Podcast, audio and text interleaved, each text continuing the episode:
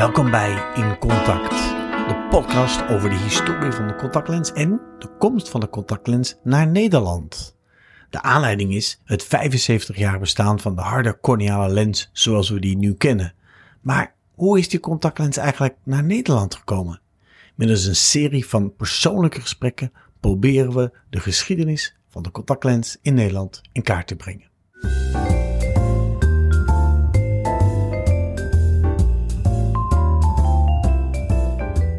Čočkostroj tady vidíme ve vitríně a pojí se k němu dva příběhy. Sestrojil ho profesor Wichterle, což byl chemik, který pracoval... Horen in dit uh, YouTube-filmpje um, iemand in het Tsjechisch vertellen over de uitvinding van de zachte contactlens vanuit het Nationaal Technisch Museum in Praag. We gaan namelijk naar achter het ijzeren gordijn. We gaan naar uh, Otto Wichterle. Zijn naam werd zojuist in het filmpje op de juiste manier in het Tsjechisch uitgesproken. Hij wordt geclaimd en is de uitvinder van de zachte contactlens, zoals we dat zo meteen van Rob Rozenbrand zullen horen. Want bij hem gaan we op bezoek om dit verder uit te zoeken. Ik wil heel eventjes naar het begin. Een van de allereerste passets dateert van 1969, mijn geboortejaar. En um, ik heb een artikel daarover van uh, Richard Pearson uit 2010. Ik zal die in de show notes toevoegen. Daar heeft hij het over die allereerste Spova-lenzen uit Praag.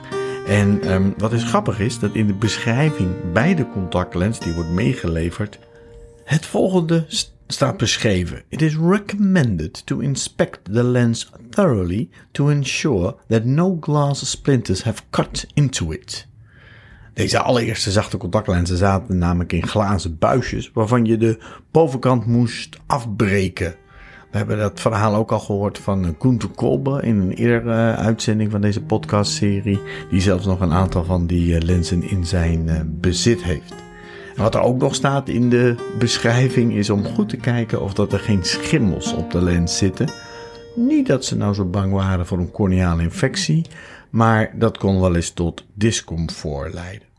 Enfin, de zachte contactlens heeft een prachtige, mooie historie en een behoorlijke rollercoaster eigenlijk is het wel geweest tot waar we nu zijn. En we gaan dat verhaal dus helemaal doornemen met iemand die vanaf bijna het allereerste begin dat heeft meegemaakt. Ja, ik zit hier met uh, Rob Rozenbrand. Welkom Rob. Welkom, dankjewel uh, Eve. Ja, eigenlijk moet jij welkom zitten, want we zitten bij jou in, uh, in de Zoetermeer, in de, in de woonkamer. En um, ik reed hierheen en ik dacht, hoe is het toch mogelijk dat er zoveel ja, contactlenshistorie eigenlijk hier in de regio zit? Want ik ben begonnen uh, in Voorburg. Uh, kun jij mooi zeggen op de Haags? Uh, Voorburg. Voorburg. uh, de Hofwijk, Christian Huygens. We hebben het over René ja. Descartes gehad, die een vriend was van Huygens. Nou, en verhaal. dat hele verhaal is terug te luisteren, mensen, in episode 1, 2 en misschien nog een klein beetje 3. Um, ik ben natuurlijk bij Gunther Korper geweest ja. in Nooddorp. Ja. Dat kan je bijna zien liggen hier vandaag. Zeker, dat is inderdaad een randgemeente van Den Haag ook. Hè? Ja, Net zoals ja. Zoetermeer trouwens. Ja, ja. Ik denk dat meer dan de helft van de bevolking hier uh, een Haagse roots heeft. Ja. Oculentie natuurlijk is ja. veelvuldig. Uh, de, de Oculentie CV is, is eigenlijk hier in de regio ontstaan. En ik ben al een keertje in Voorschoten geweest. Moet ik het goed zeggen volgens mij? Voorschoten, hè? dat is een dorp hier ook vlakbij. Ja. Uh, daar woont de dochter van uh, dokter Tier. Dat is de pionier op ja. uh, contactlensgebied in, in Nederland. Dat was een heel mooi... Dat was de eerste podcast, hè? Ja, eerste ja. podcast. Ja, het leuke is, het, uh, dat had ik je nog niet eens verteld op, maar het, uh, het NOG heeft een werkgroep, een historische werkgroep. Okay. En uh, die hebben me gevraagd of ik op hun congres um, iets kan komen vertellen over de historie uh, van de contactlens. Dat is leuk. Ja, dat ja. is heel leuk. Nou, ja. Ook alweer een verdienste van, van jou. Heel goed. Ja, maar dan kom ik ook bij jou uh, terecht op. Want um, jij hebt ook altijd die brug proberen te slaan tussen oogkunde en nou ja, contactlenzenoptiek en, uh, en optometrie. Ook middels de Jan Kok Award. Komen ja. we misschien ja. nog wel over te spreken. En dat komt nu in de historie van de contactlens ook weer een beetje samen. Ja, uh, ja dat, we, dat we daar zeker in het begin heel erg samen in zijn opgetrokken. De oogkunde en, de, en de optiek. Ja, zeker. Maar nu we het toch over historie hebben, nu, nu is het toch wel een dingetje voor de opti- optometrie en de optiek, denk ik. De contactlenzen, toch? In Nederland. Ja, eh, de, de rol van de contactlenzen is altijd wel evident geweest. Hè? En eh, er speelt best wel internationaal een woordje mee op dat vlak. Ja. En dat is mede te danken aan ook het onderwijs. Contactlensonderwijs. Ja, ja, nou, daar gaan we het allemaal over hebben. Ehm, met jou wil ik het vooral hebben. We hebben het dus uitgebreid gehad over de glazen scleralens, de PMMA scleralens, daarna de harde PMMA lens, de vormstabiele lens zoals we hem nu noemen. Zacht is al wel een paar keer genoemd, her en Ja. der. Ehm, je hebt ze allemaal geluisterd, eh, vertelde je net. Dus John de Brabander heeft Ja. daar natuurlijk eh, iets, eh, zeker iets over gezegd. Veel herkenning. Ja, veel herkenning.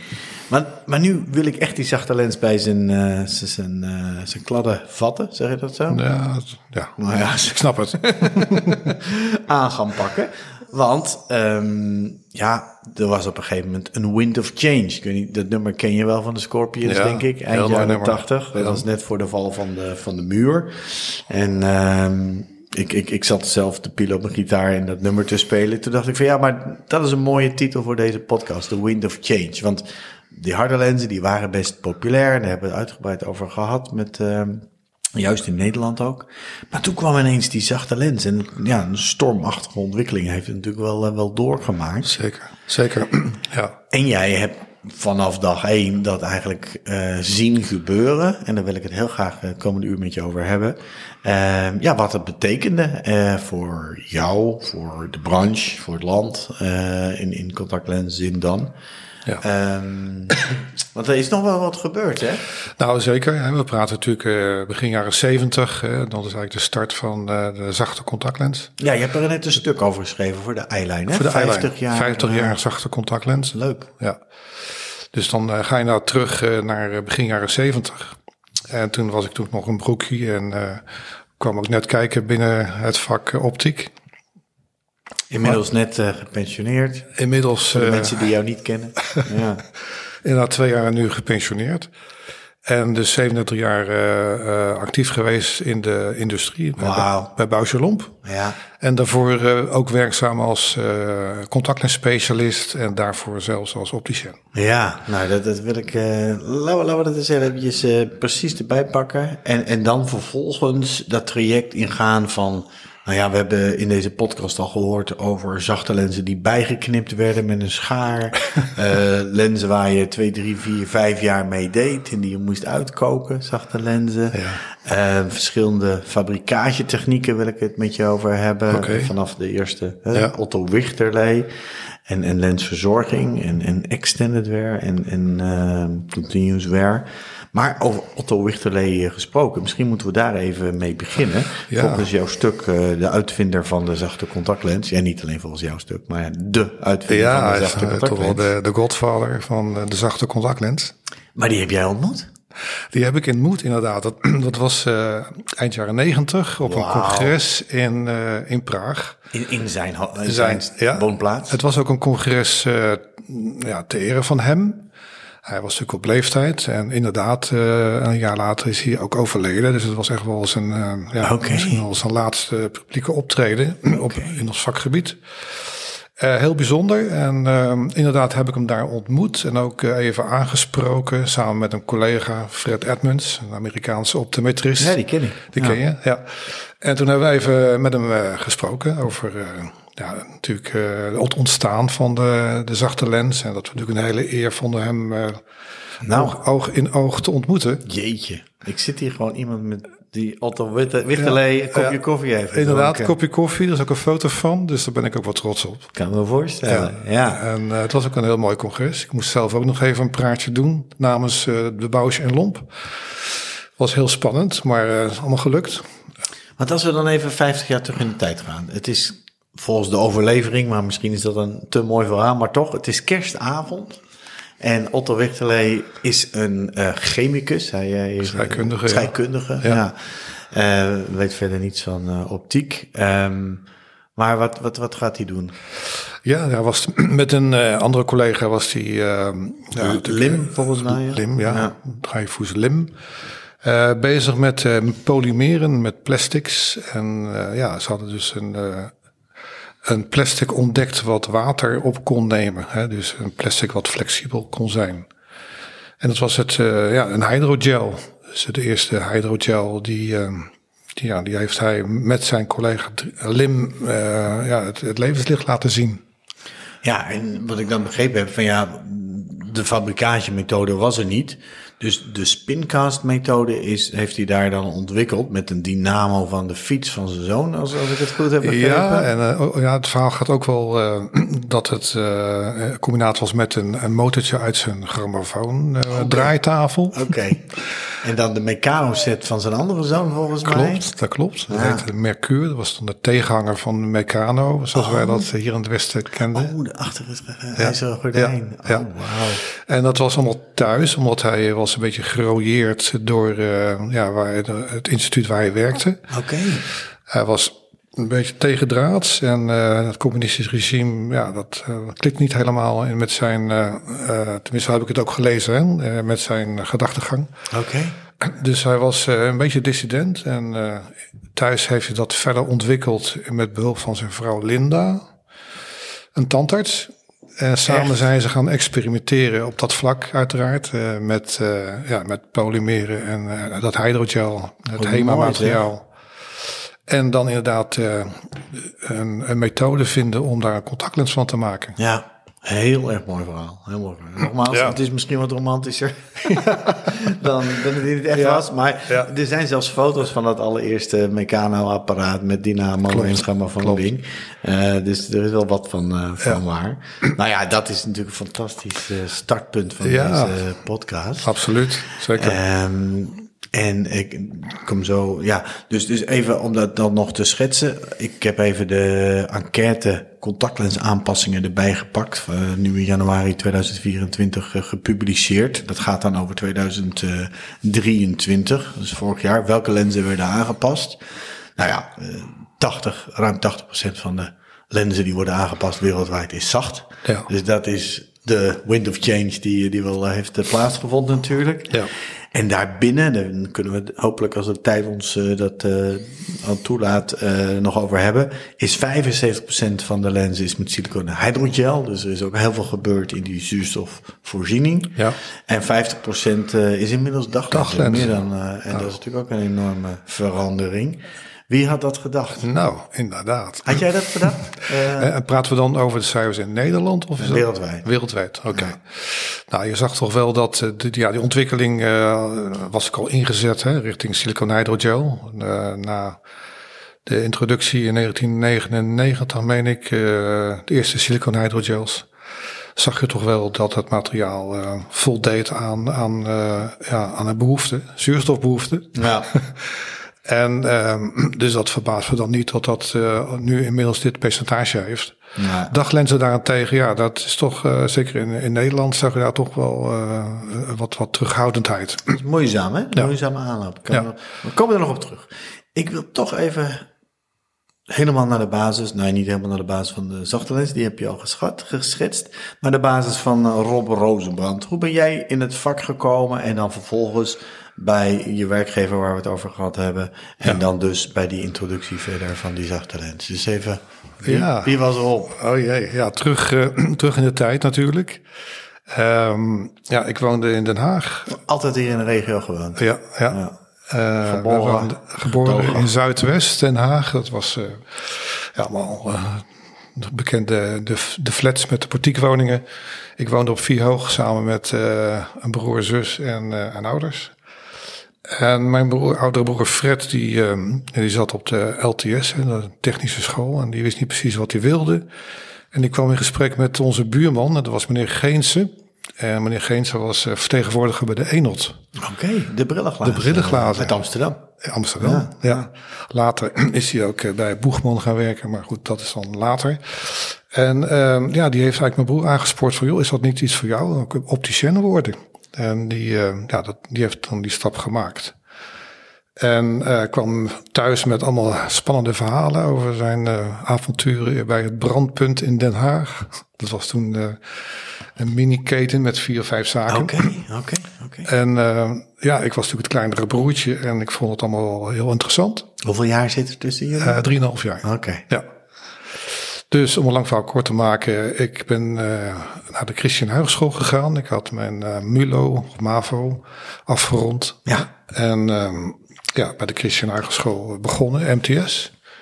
Nog beroemde klasgenoten, want eh, de, Christian Huigsel komt elke keer terug in de podcast. Ja, Met leuke dwarsverbanden. Ja, inderdaad. Wij begonnen nog in de eh, hoofdsteeg, was dat, in Rotterdam. was het oude gebouw. dat was het eerste jaar. Met eh, Theo Bloms bij mij in de klas. Dat Oh, is echt wel een waar? bekende naam. Docent van mij Ja, docent hè, later, van de hogeschool. Ja. Eh, Martin Struik, Oh ja. die, eh, ja, dat is Voorzitter OVN, eh AVC, Ja. precies. Ja, ja. Precies. AVO, Bij de refractiechirurgie nu heel actief met zijn eigen kliniek. En eh, ja, eigenlijk Frans Graafstal was mijn maatje. Die woonde in Wassenaar. Dan gingen we altijd eh, samen met de trein van Den Haag, cent- of de Hollandspoor toen nog, naar, eh, naar Rotterdam. Ach, grappig. Ja. Helaas is Frans vorig jaar overleden. Ach, Ja. Dus eh, ja, dat is wel, wel verdrietig en spijtig. ja. Maar dat waren mijn, eh, mijn klasgenoten. Ja. En docenten, was John de Brabander er toen al? John, ja, die gaf inderdaad eh, niet zozeer in de optiekopleiding, maar meer bij de contactlenzen Oh, cursus. Oh ja. Ja. Oh ja, want je hebt dus eerst vier jaar Ja, optiek gedaan. via optiek. En toen... Ja, dan komen weer de bekende namen als eh, Bart Klop, Kop, Koppenberg was dan de, de docent optiek. Optica, is Nou, prachtige man die... eh, namelijk een paar keer tegengekomen. ja, die Ah, kon, dat, hem niet. die kon dat echt eh, fantastisch vertellen. Ja. Eh, Piet Boer, ook een bekende Oh naam. ja, zeker. Ja. Zeker. Dat waren al een beetje de, de namen die me zo, zo te binnen schieten. Ja, ja, ja, ja, ja. En, ehm, en jouw broer, is die verder gegaan in de optiek? Nee, nee, die, is, was wel, eh, die ging in militaire dienst en die is toen geswitcht naar de als, eh, politiecarrière, heeft hij gemaakt. Oké. En die is daar verder gegaan en gegroeid. Die had een hele mooie Oké. positie binnen de politie. Leuk, Ja. leuk, leuk. Is heel anders dus. Ja. Heeft u nog wel spijt als hij jou zo zag? Eh, eh, nee, nee opereren. hij was ook meer een man toch van eh, avontuur en buiten. hey, jij bent, eh nou ja, Christian Hogeschool en vervolgens in de optiek gaan werken. Dus in Den Haag ook weer? Ja, begonnen in Den Haag, eh op Theresiastraat, is een eh, straat, bekende straat in Bezuidenhout. Dat was de co-optiek. En eh, eigenlijk een soort ziekenfondswinkel had je toen nog. Oh ja, ziekenfondsbrilletjes. Ziekenfondsbrilletjes, inderdaad. En daar ben ik ja, begonnen. En vervolgens militaire dienst. Vervolgens ben ik terechtgekomen bij de Wolf, Frans H. de Wolf in Delft. En daar ben ik eigenlijk begonnen als eh voltijd opticien. En wanneer zijn contactlenzen dan in je leven gekomen? En wanneer dacht je ook van, ja, dit vind ik echt leuk? Of is dat niet zo, was er niet zo'n Eureka-moment? Nee, het was eigenlijk de opleiding. Eh, ik had dan eerst die deeltijd optometrie gedaan. En dan kon je dus doorgaan als eh, opleiding contactlensspecialist. Ja, en dat, dat, eh, dat boeide mij. Dat vond ik heel interessant. Oké, Ja, en toen inderdaad John de Brabander, die gaf daar dan eh, les. Leuk. En eh, ja, inspirerende man. Mijn mentor, zeker. ja, absoluut.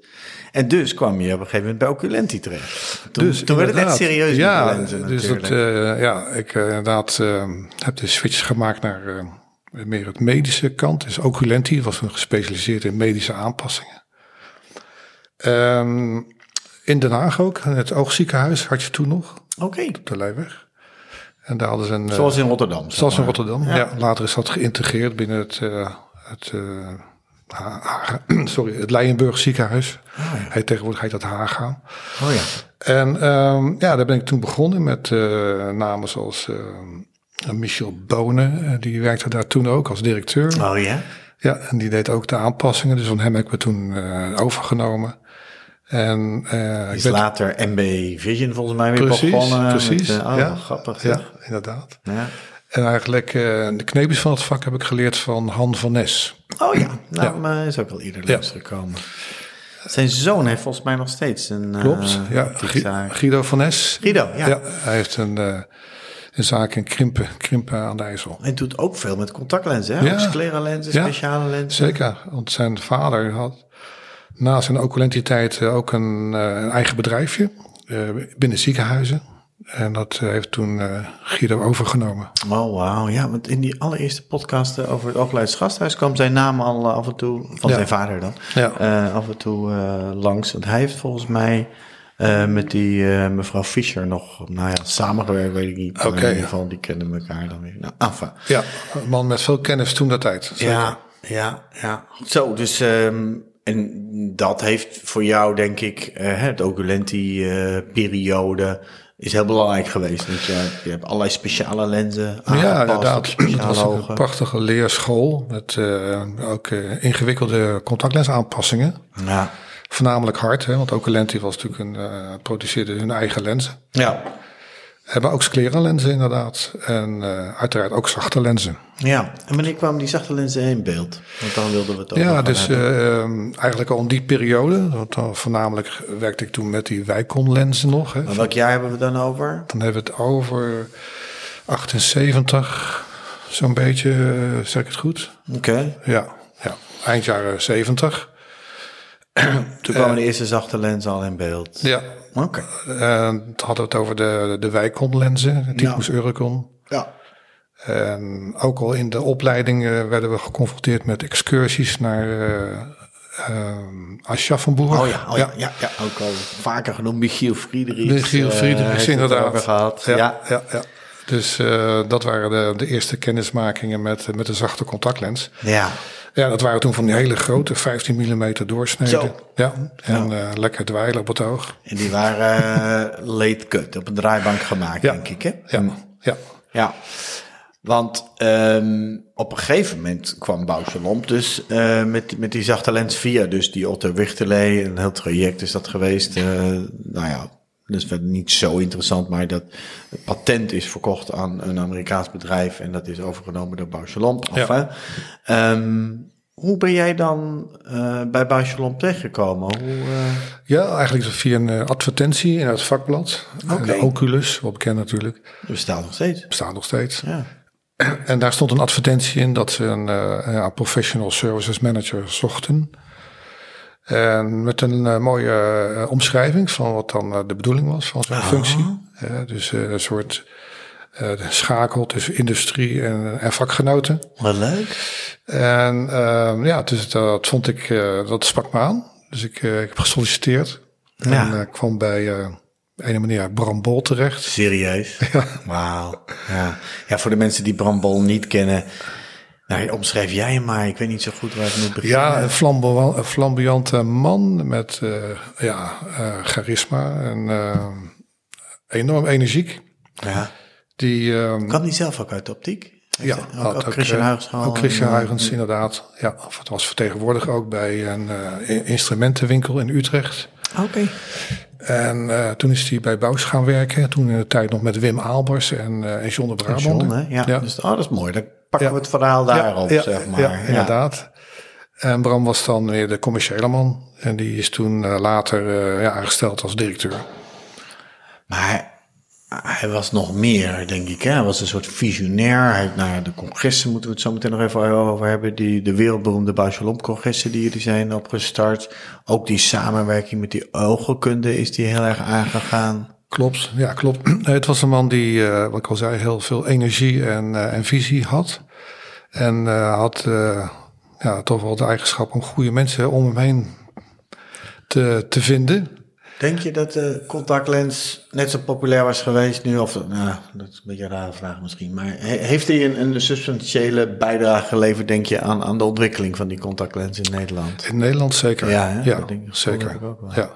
Helaas. Helaas, ook uh, Bram, uh, ja, vorig jaar is Ja. hij uh, overleden. Hij stond prominent op mijn lijstje om te interviewen voor deze Ja. podcastserie. Eh, ik heb al eerder namen genoemd die ik helaas niet meer kan interviewen. Dus Ja. eh, geeft misschien eh, de noodzaak aan om dit eh, wel in, in kaart te brengen. Maar ja, jammer. Want Ja, zeker, zeker. verhalen, nou, hij kon natuurlijk een fantastisch vertellen, verhalen vertellen. Ja, het was een man met, wat ik al zei, energie en charisma. Ja, En kon ook mensen goed aansturen. ja, Dus ja. ik heb altijd wel...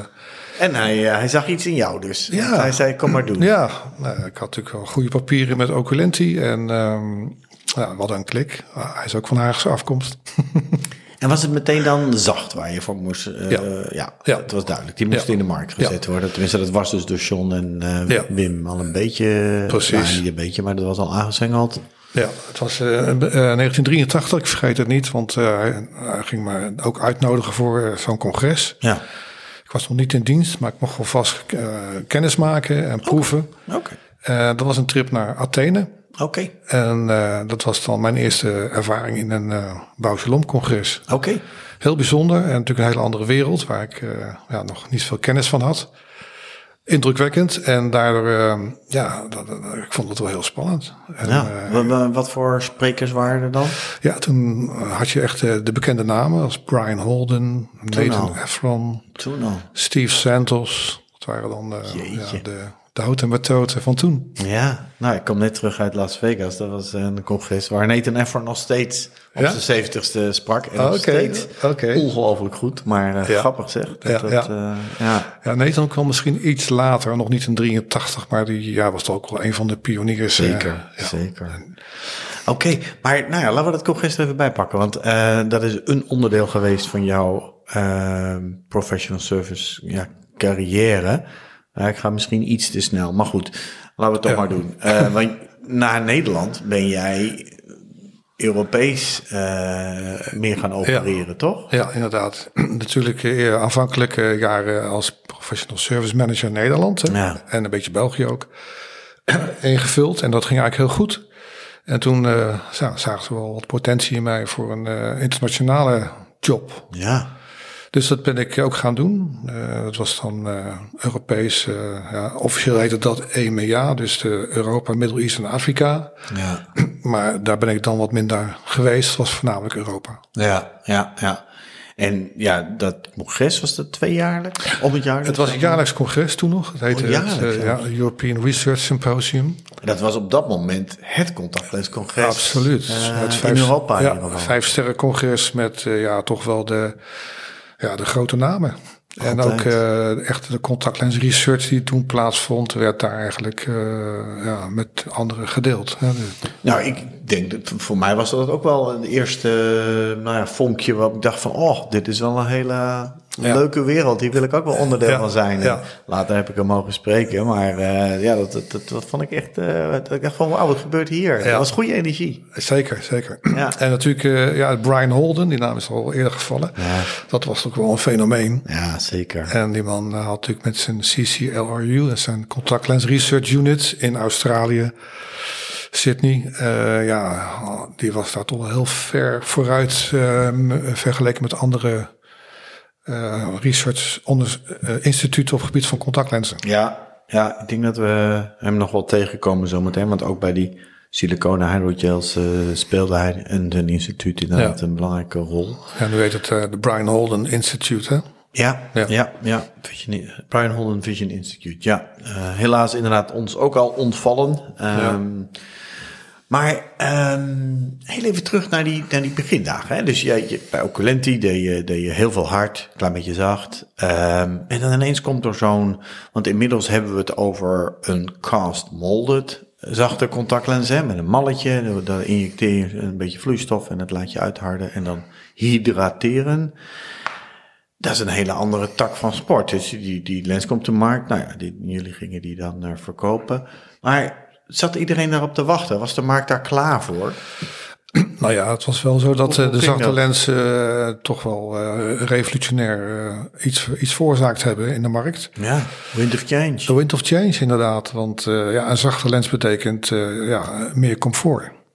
En dat was natuurlijk voor de consument, voor dragers, was dat wel het instapmoment. Ja, en de opticiens, contactlensspecialisten, nou, optometristen, die herkenden dat ook meteen als, als een enorme kans? Nou, niet iedereen natuurlijk, maar je had dan altijd waar van die, uh, die, die voorlopers, de pioniers, die dat dan oppikten. Noemen ze wat namen?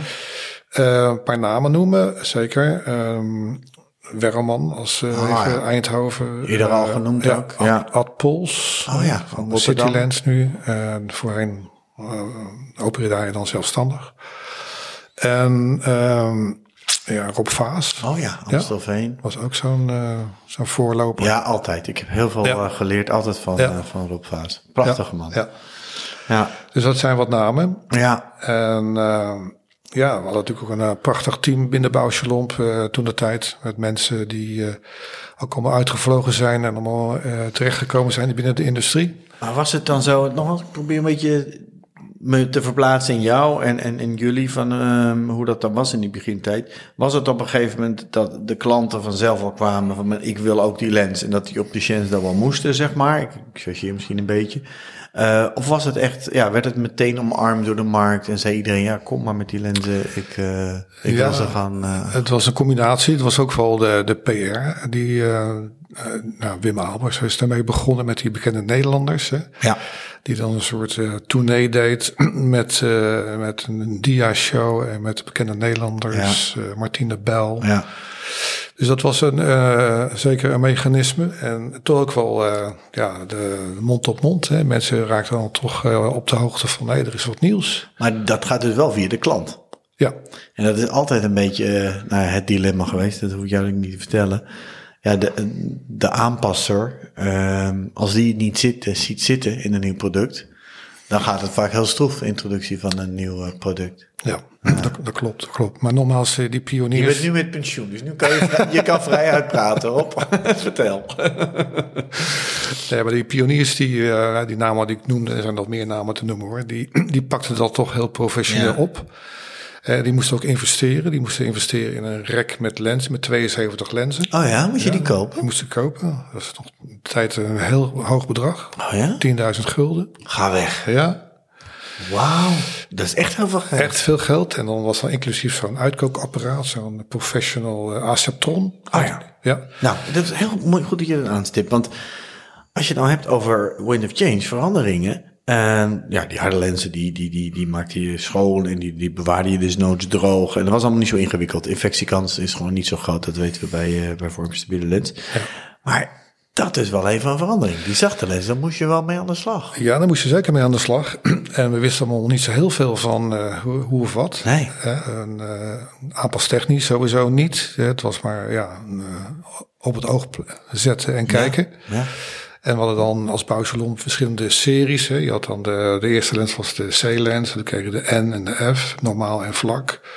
Toen kregen we de B3-lens. De 3 was dan weer het cijfer voor de diameter, was dan 13,5. Oké. Okay.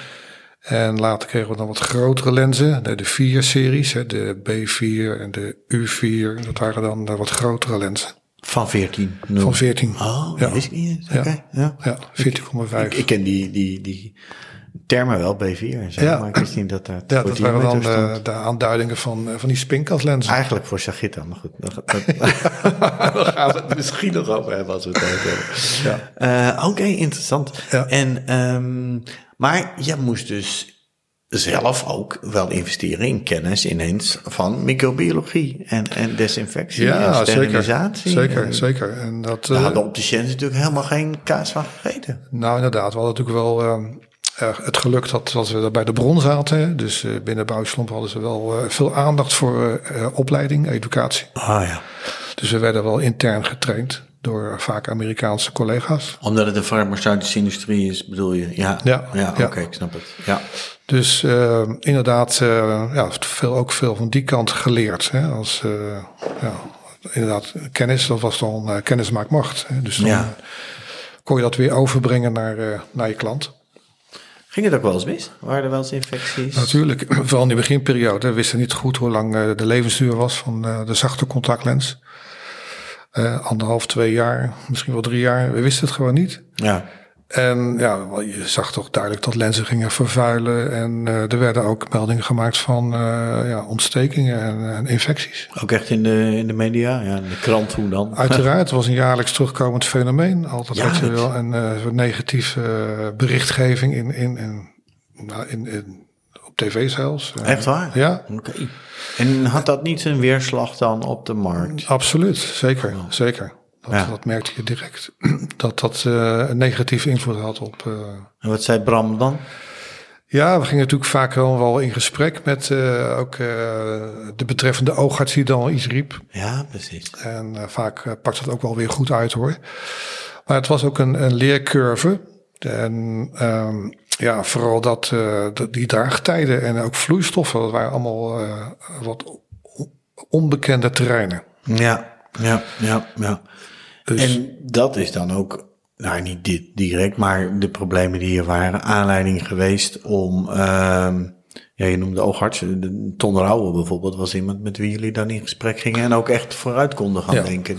Ja, inderdaad. Ton, uh, Ton Rauwe is een oogarts, die was toen uh, nog verbonden aan het militair hospitaal. Ja in Utrecht. En die, uh, ja, die was best wel in voor uh, uh, ja, het, het, onderwerp contactlens. Ja, en gewoon dat serieus te onderzoeken. Om te kijken hoe kan het dan beter. Ja. En een van de dingen was dus sneller vervangen. Niet zo lang ermee doen. Ja, wat wel een rode draad was in die tijd ook al was dan toch het langer inhouden. De, het extended wear of continuous wear. ja.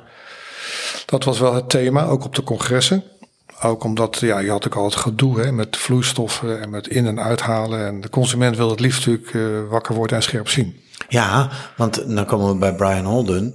Je had in de tijd natuurlijk de refractiechirurgie die opkwam. Ja. En Brian Holden zei, we moeten een antwoord hebben. Precies. Want dat gaat de hele contactlensmarkt wegvagen eigenlijk. Ja. Dat was een beetje de, de sfeer die er hing. Ja. Dat weet ik nog. Klopt, zelfs. inderdaad. Dus ja, continuous wear was wel het thema. Ja, en, geen vloeistoffen, dat is inderdaad wel... Uh, ja. Op papier klinkt het goed. ja. Kijk, die vloeistoffen, dat was natuurlijk ook wel een ding. Want ja, uh, we wisten ook niet zo goed uh, wat, wat wel werkte en wat, wat minder goed werkte. En we hadden toen te maken met conserveringsstoffen, hè, thiomazol en chlorhexidine.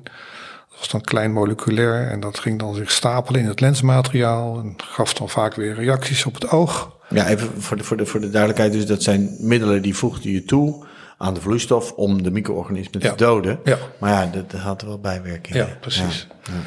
Dus zo, zo, ging je, dat was eigenlijk echt zo'n evolutie. Hè? Van nou ja, oké, okay, oh, we moeten desinfecteren. Dat was één. En dan, nou ja, hoe dan? Nou ja, met die best wel benzalkoniumchloride. Uh, precies, ja, dat was meer voor de, de harde lensvloeistoffen. Oké. Okay.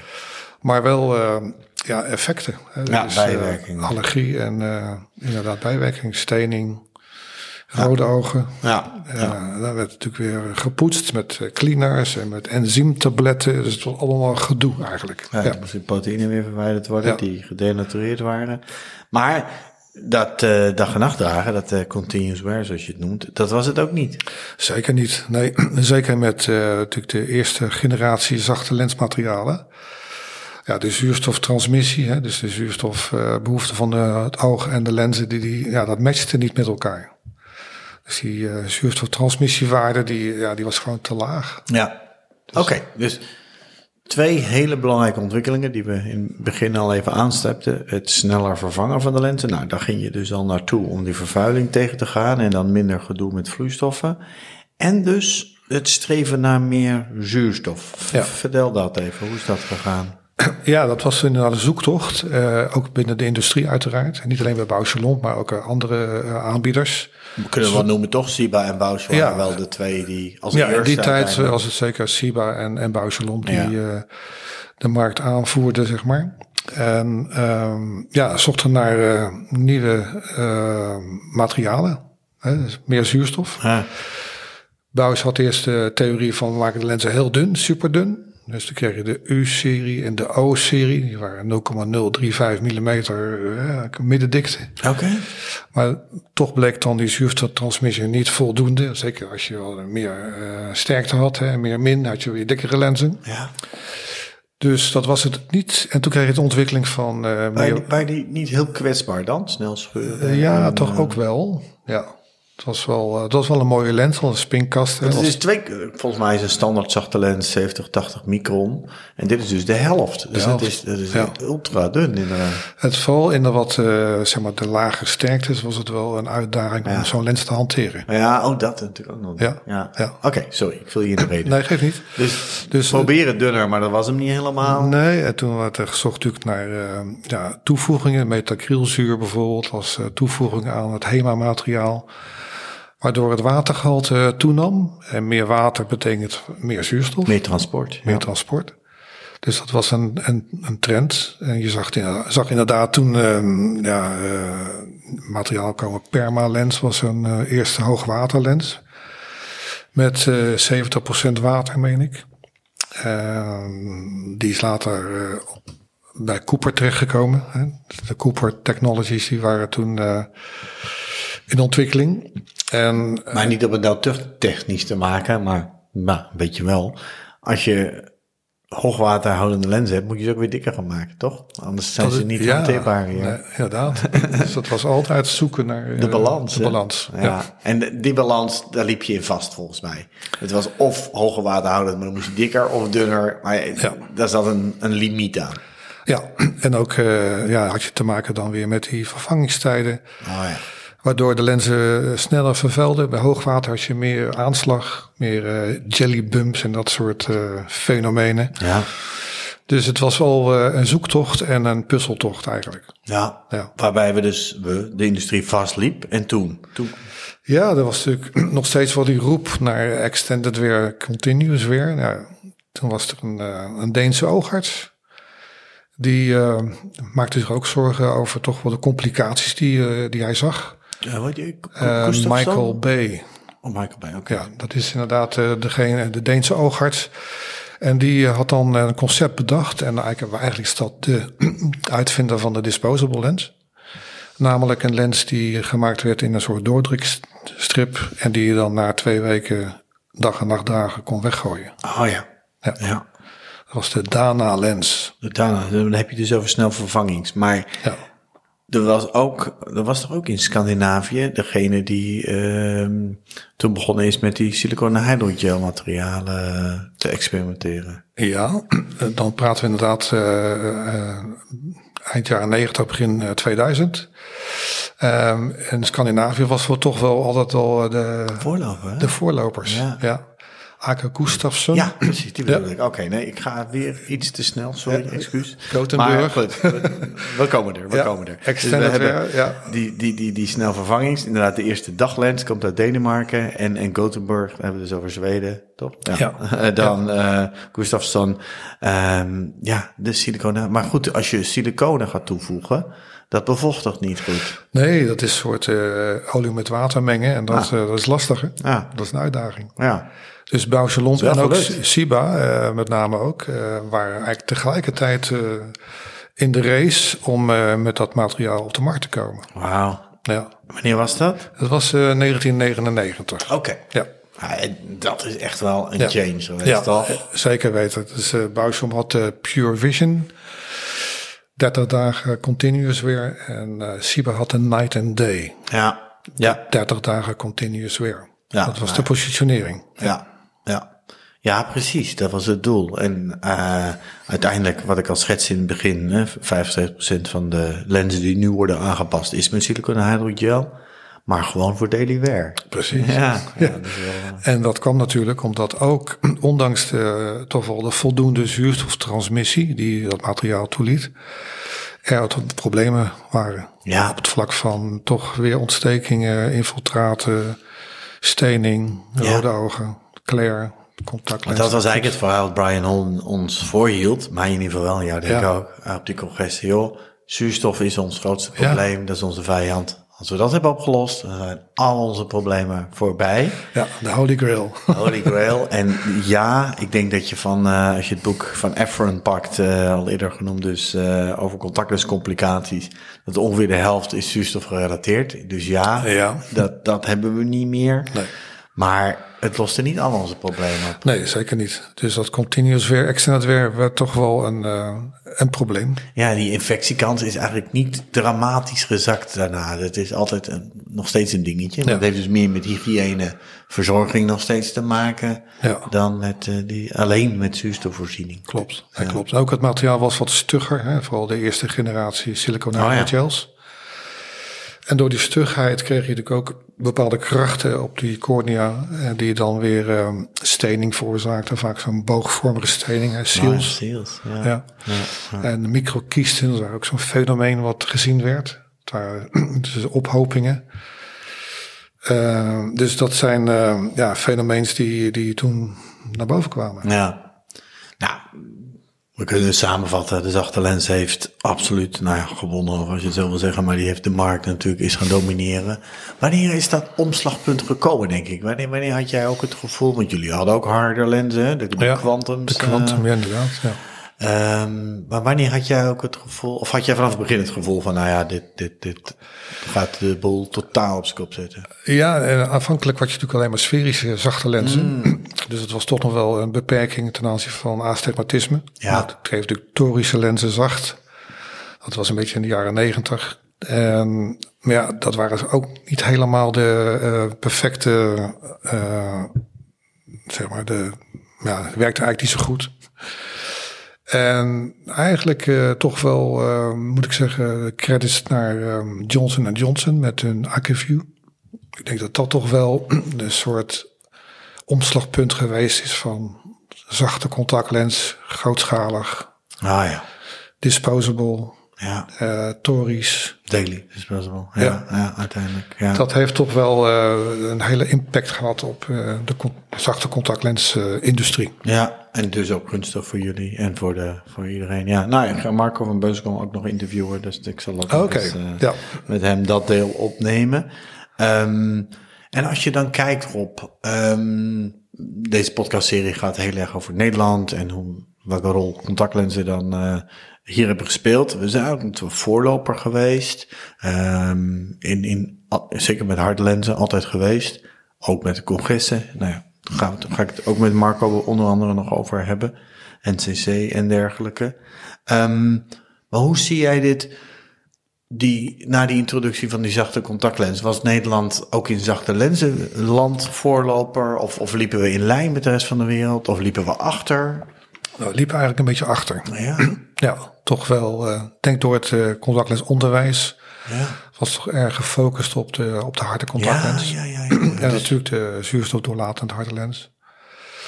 En dat zag je El- wel. el- elk voordeel heeft zijn nadeel. Hè? Dus we waren een voorloper. En we hebben het natuurlijk over Abstek gehad in, eh, in Precies. iedere podcast. Nou, een heel duidelijke visie op contactlenzen. En, en niks mis mee. Ik denk dat hij op zich gelijk had. Alleen, de, de- hoe zeg je dat? De, de remmende voorsprong. Ja. Eh, in, in dit, dit geval is dus ook een nadeel. Dat je dus nieuwe dingen, zoals zacht, niet zo snel eh, omarmt. Ja, dat was inderdaad toch wel het geval. En dan kijk je toch weer naar Scandinavië. En dat waren toch wel eh, de landen waar het echt een doorslaggevend succes werd. Ja, Ja. ja, ja, ja En altijd daar geweest. altijd geweest, daar zag je harde lenzen bijna niet.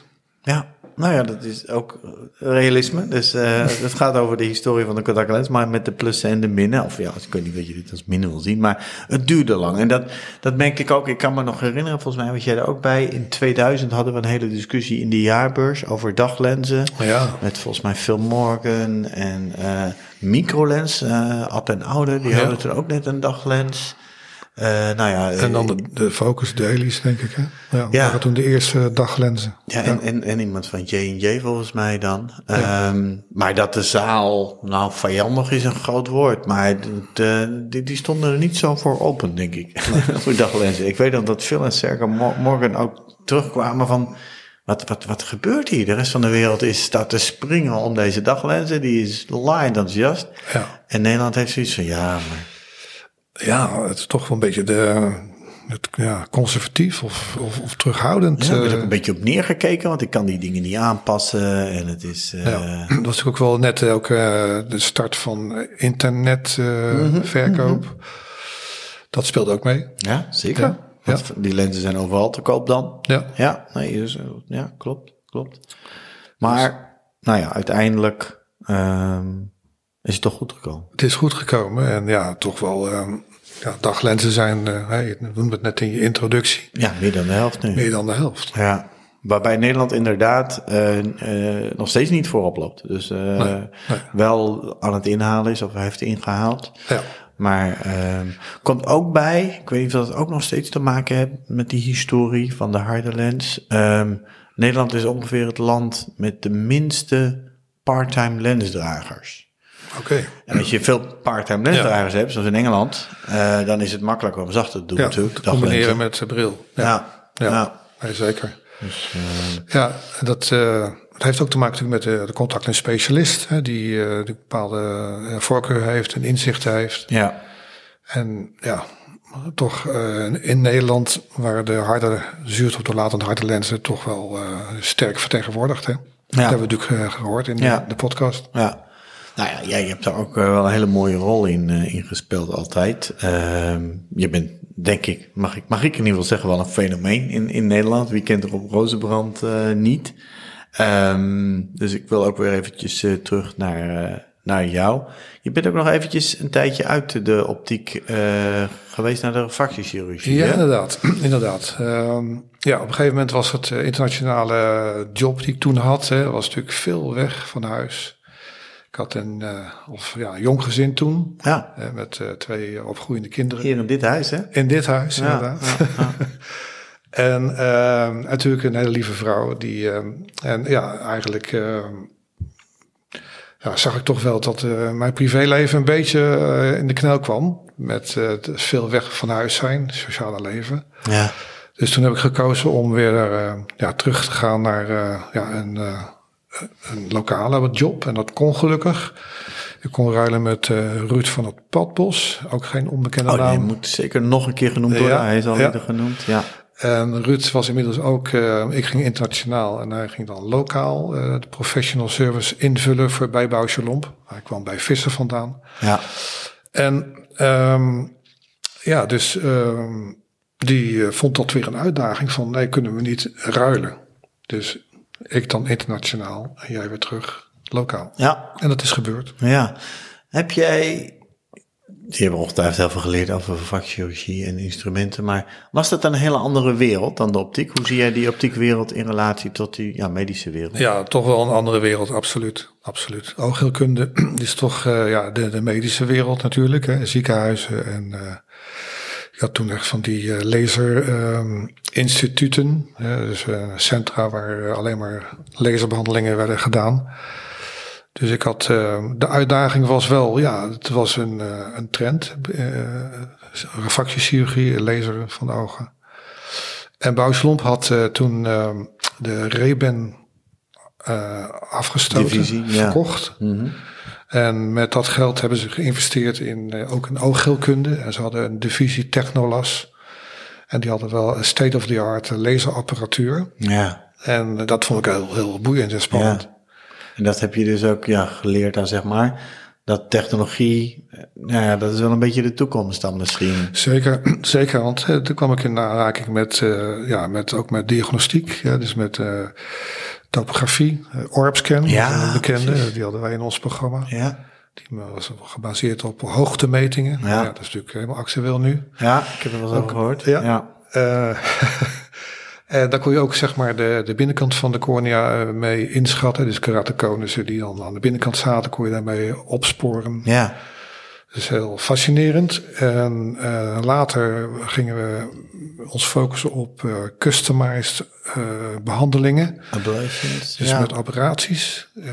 en dat was natuurlijk een enorm interessant ja, invalshoek. Nou ja. Dat is een mooi bruggetje. Even terug. En ik zit alweer naar de tijd te kijken. Het is ongelooflijk, maar we, we, moeten alweer richting afronding. Maar um, in dat hele traject, hè, ik kom zo weer terug op de. Ja. Van harde lenzen naar zachte lenzen aanpassen met grote passets dus die je moest aanschaffen. Um, naar steeds sneller vervangen. Zijn we misschien ook wel iets kwijtgeraakt. En dan denk ik aan het aanpassen zelf. En, Ja. Nou ja, de zogenaamde one size fits all. Uh, nou, die discussie gaan we niet voeren nu, maar dat, dat, dat zijn we wel verloren. En, en om Ja. dan weer een bruggetje te maken, denk je dat nieuwe technologie, topografie, eh, het meten opnieuw, achterkant van de, of tenminste het meten van het oogoppervlak en dus een betere passing, maar ook optiek, dus inderdaad hogere orde apparaties. Zie je daar een, een, een- dat we daar weer naar terug gaan, deels? Eh, nou, ik denk het toch wel, ja. Toch wel, omdat normaal de diagnostiek nu eh, natuurlijk ook geëvalueerd is. En technologisch kan natuurlijk heel veel gemeten worden. Nou, meten is weten, dat weet je natuurlijk als geen ander. Ja, En ehm ja, Bouwers heeft natuurlijk al lenzen met een sferische aberratiecorrectie. hè. Ja. Dat de sferische aberratie is natuurlijk rotatie, rotatie symmetrisch. ja. Waar het al in verwerkt zit. En misschien in de toekomst toch daar ook wel. een van de eerste mee. Ja. Klopt, klopt. En in de toekomst misschien toch ook wel eh, andere ja, aberraties die dan in zo'n contactlens verwerkt kunnen worden en gecorrigeerd kunnen worden. Customized misschien ook, net als bij de laser. Dat Precies. Je, niet voor elk oog hoor. Ik denk als je een mega standaard oog hebt, zowel qua vorm als qua optiek. De zachte lenzen die we nu hebben zijn beter dan we ooit hebben gehad. Ja. Maar ja, val je buiten dat standaard bereik, uh, dan zijn er denk ik wel mogelijkheden met die, uh, die technologie. Zeker, zeker. Ja, ja. En ook uh, in, in, in, de koers van, van materialen, contactlensmaterialen, zie je toch ook wel interessante ontwikkelingen. Ja. dus meer het water vasthouden. Ja.